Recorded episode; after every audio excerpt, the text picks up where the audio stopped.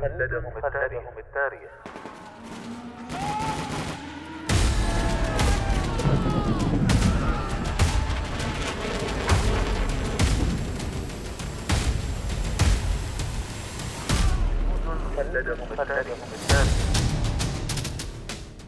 كم يفخر التاريخ العسكري برجال كتبوا سيرهم في سجلاته بحروف من الجهد والتضحية والعطاء.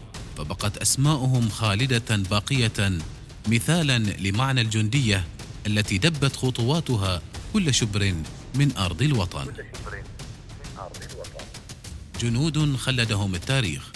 برنامج أسبوعي نتعرف من خلاله على الجنود الذين ضحوا بحياتهم من أجل أوطانهم. يعده الدكتور هلال بن سعيد الحجري ويقدمه الرائد الركن. محمد بن سعيد المشيخي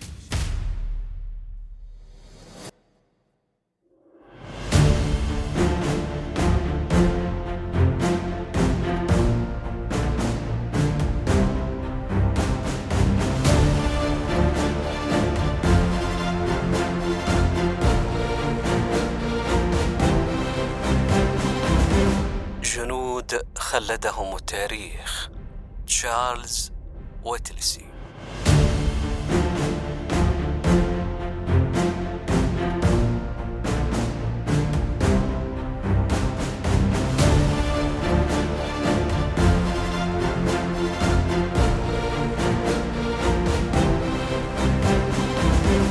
لم يكن تشارلز ويتلسي ممن يحرص على تقدير الآخرين له. كان رجلا متواضعا لكنه ظل مخلصا لمن خدم معه. كانت خدمته في الحرب العالمية الأولى ضربا من الأسطورة والصبر على الصعاب التي لا يمكن التغلب عليها.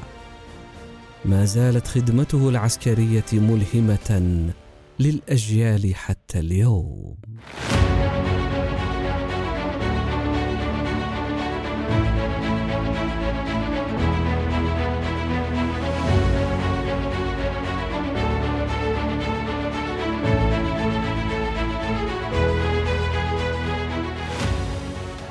ولد ويتلسي في العشرين من يناير من عام 1884 في فلورنسا بولاية ويسكنسن لوالديه فرانك وآني ويتلسي وهو أكبر إخوانه انتقلت العائلة إلى بيتسفيلد ماساتشوستس في وقت ما عند مطلع القرن العشرين عندما حصل فرانك على منصب في شركة الكهرباء العامة جنرال إلكتريك. تخرج ويتلسي من مدرسة بيتسفيلد الثانوية ودخل كلية ويليامز. بعد تخرجه من ويليامز التحق بكلية الحقوق بجامعة هارفارد حيث تخرج في عام 1908 ثم ذهب إلى مدينة نيويورك لممارسة القانون مع شركة خاصة. وفي عام 1911 بدأ التدريب مع صديقه وزميله في الدراسة باير دي بروين.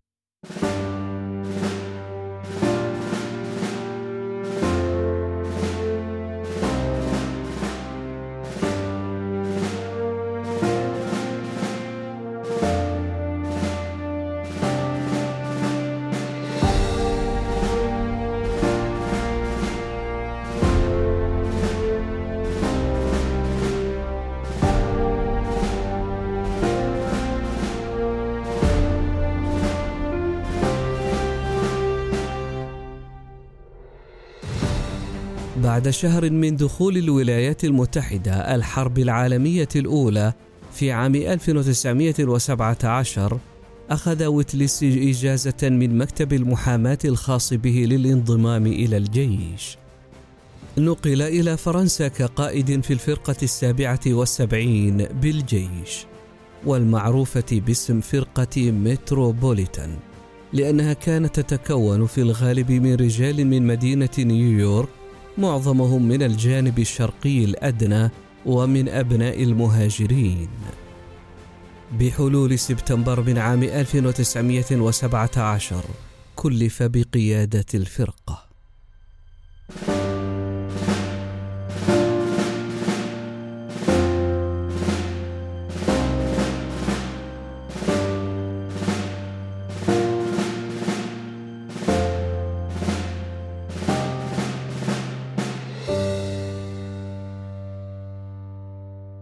في الثاني من أكتوبر من عام 1918 أمر ويتلسي وفرقته المكونة من 554 جنديا بالتحرك ضد موقع ألماني شديد التحصين. عندما أمرت الفرقة السابعة والسبعين بالدخول إلى منطقة ميوز أرجون كجزء من هجوم أمريكي ضخم. ونظرا لأن الوحدات الموجودة على أجنحتها فشلت في إحراز أي تقدم. قطعت خطوط إمداد قوات وتلسي بسبب النيران الألمانية. كانت الأيام التالية محفوفة بالمخاطر بالنسبة إلى وتلسي ورجاله لأنهم كانوا بدون طعام أو ماء. لاحظ القناصة الألمان كل حركاتهم. وتوقفت الجهود لاستعادة المياه من مجرى قريب لأن العديد من الرجال قتلوا في هذا الجهد لمدة أربعة أيام. قاوم ويتلسي ورجاله هجمات القناصة الألمانية كما قاوموا الجنود الألمان المسلحين بالقنابل اليدوية وقذائف الهاون وقاذفات اللهب. في ذلك الوقت أصبح ويتلسي ورجاله يعرفون باسم الكتيبة المفقودة.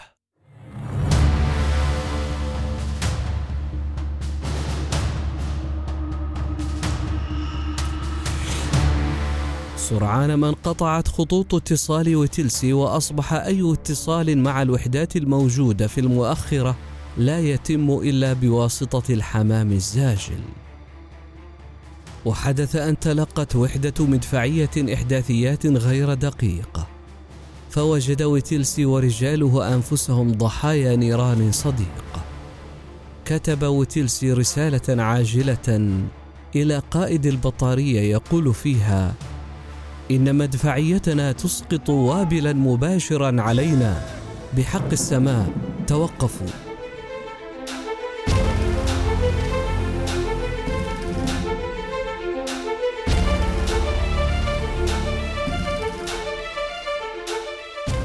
في السادس من أكتوبر تم بذل بعض الجهود لإعادة إمداد الكتيبه ولكن بسبب الإحداثيات غير الصحيحة وصل عدد قليل جدا من الإمدادات إلى الرجال المحاصرين.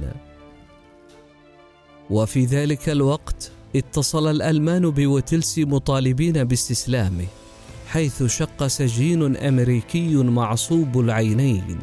طريقه إلى موقع وتلسي حاملا الرسالة الألمانية. رفض وتلسي الإقرار بالطلب.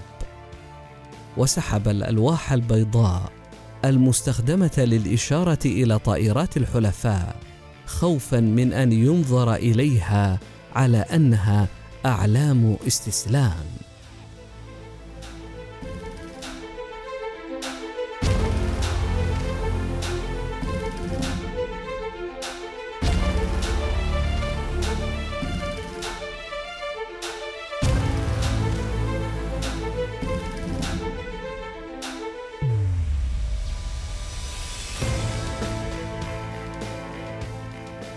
تم إجراء المزيد من مهام الاستطلاع الجوي وحدد مكان الفرقة وأنقذت في نهاية المطاف في السابع من أكتوبر من عام 1918 من بين 554 جنديا شاركوا في الحرب قتل 107 وفقد 63 وأصيب 190 فقط 194 جنديا استطاعوا الخروج دون أن يصابوا بأذى.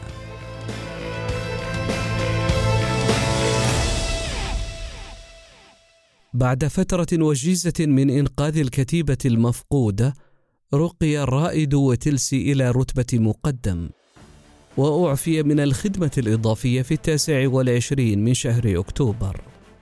وعاد إلى الولايات المتحدة بطل حرب. في الخامس من ديسمبر سرح من العمل بشرف. وفي اليوم التالي أخبر بأنه سيحصل على ميدالية الشرف من الكونجرس. بعد تسريحه من الخدمة العسكرية عاد وتلسي إلى ممارسة المحاماة لكنه وجد نفسه في طلب دائم لإلقاء الخطب والإشراف على الاستعراضات العسكرية. ومنح الدرجات الفخرية. كان وتلسي رجلا متواضعا وحساسا. لا يعجبه الإطراء الذي تلقاه. بل كان يثني كثيرا على الجنود الذين خدم معهم خاصة الجندي العادي الذي حصل على القليل من الاعتراف بشجاعتهم غير المألوفة. كرس حياته لرجاله في الكتيبة المفقودة لدرجة أنه ترك سريره في المستشفى لحضور جنازة جندي خدم تحت قيادته. وكان آخر عمل له كرئيس للصليب الأحمر في مدينة نيويورك قائما على معاناة الجرحى وقد حضر العديد من الجنازات اسبوعيا وزار الجرحى في المستشفيات وطمأن عائلات القتلى ربما في آخر أعمال امتنانه لمن سقطوا في الحرب العظمى حضر وتلسي في الحادي عشر من نوفمبر من عام 1921 ضريح الجندي المجهول من الحرب العالمية الأولى. جنبا إلى جنب مع العديد من زملائه الحاصلين على أوسمة الشرف.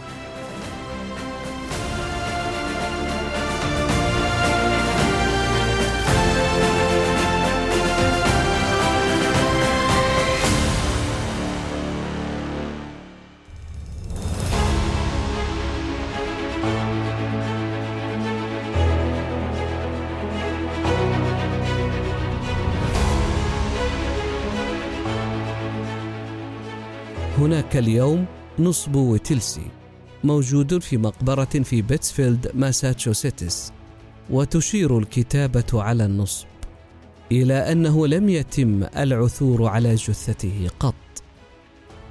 في عام 1948 تم تخصيص غرفة تشارلز وايت وتلسي في نادي ويليامز بمدينة نيويورك وفي عام 2001 صنعت القناة التلفزيونية الأمريكية A&E فيلما تلفزيونيا بعنوان الكتيبة المفقودة استنادا إلى روايات عن المعركة.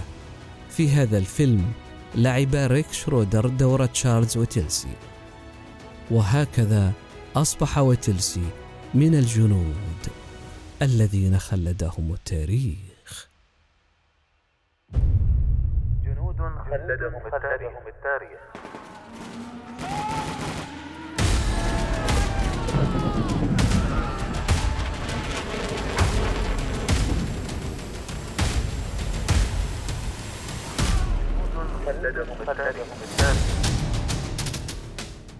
كم يفخر التاريخ العسكري برجال كتبوا سيرهم في سجلاته بحروف من الجهد والتضحية والعطاء.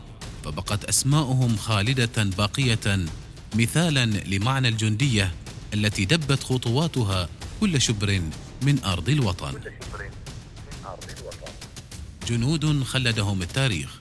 برنامج أسبوعي نتعرف من خلاله على الجنود الذين ضحوا بحياتهم من أجل أوطانهم. يعده الدكتور هلال بن سعيد الحجري ويقدمه الرائد الركن. محمد بن سعيد المشيخي.